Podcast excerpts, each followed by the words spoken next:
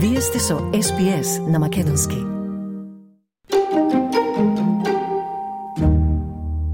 Системот на реката Мареј Дарлинг е дом на 16 меѓународно значајни мочуришта, 35 загрозени видови и 120 различни видови на водни птици. Тоа е најголемиот и најкомплексен речен систем во Австралија. Пред повеќе од една деценија беше спроведен план од 13 милиарди долари за обновување на инфраструктурата и животната средина на системот. Министерката за животна средина и вода Тања Приберсек вели дека планот за басенот Мареј Дарлинг нема да биде завршен на време. Yesterday, I received from the Murray Darling Basin Authority a copy of a report that they released this morning, which confirmed what I have feared for some time. It's not possible to deliver the Murray Darling Basin plan in the legislated timeframes.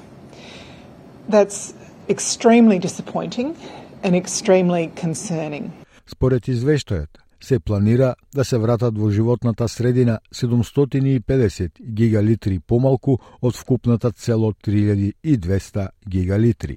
Сепак, министерката Приберсек е оптимист и уверена дека планот за басенот Мареј Дарлинг ќе биде испорачан во целост. This failure, this decade of deliberate sabotage, will have disastrous consequences. And we know we're going into another dry period. We have to take this opportunity to fully deliver on the Murray Darling Basin plan. Uh, we have been left a mess.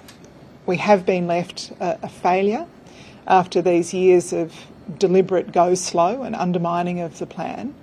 But nevertheless, I am absolutely determined that we will deliver on the Murray Darling Basin Plan in full.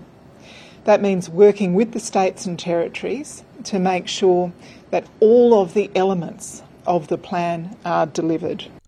Планот Мареј Басен беше договорен меѓу федералните и државните влади и беше подпишан во закон во ноември 2012 година, според законот за вода на Комонвелтот од 2007 година.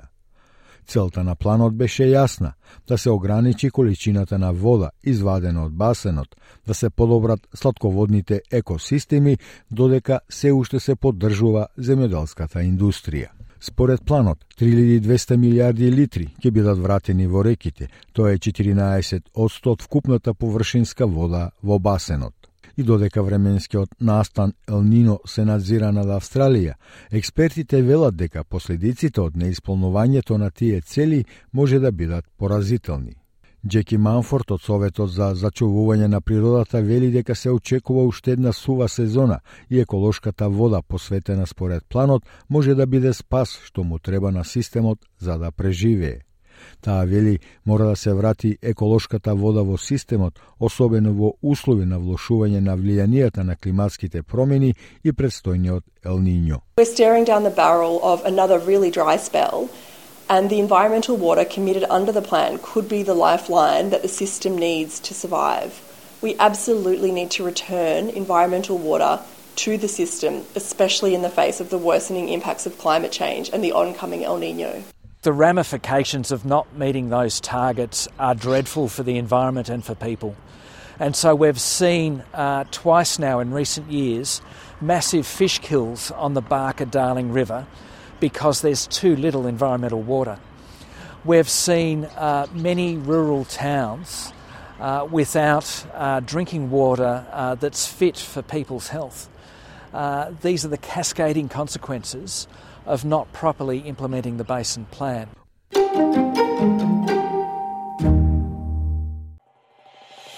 Sakate li da čujete poveke prilozi kako ovoj?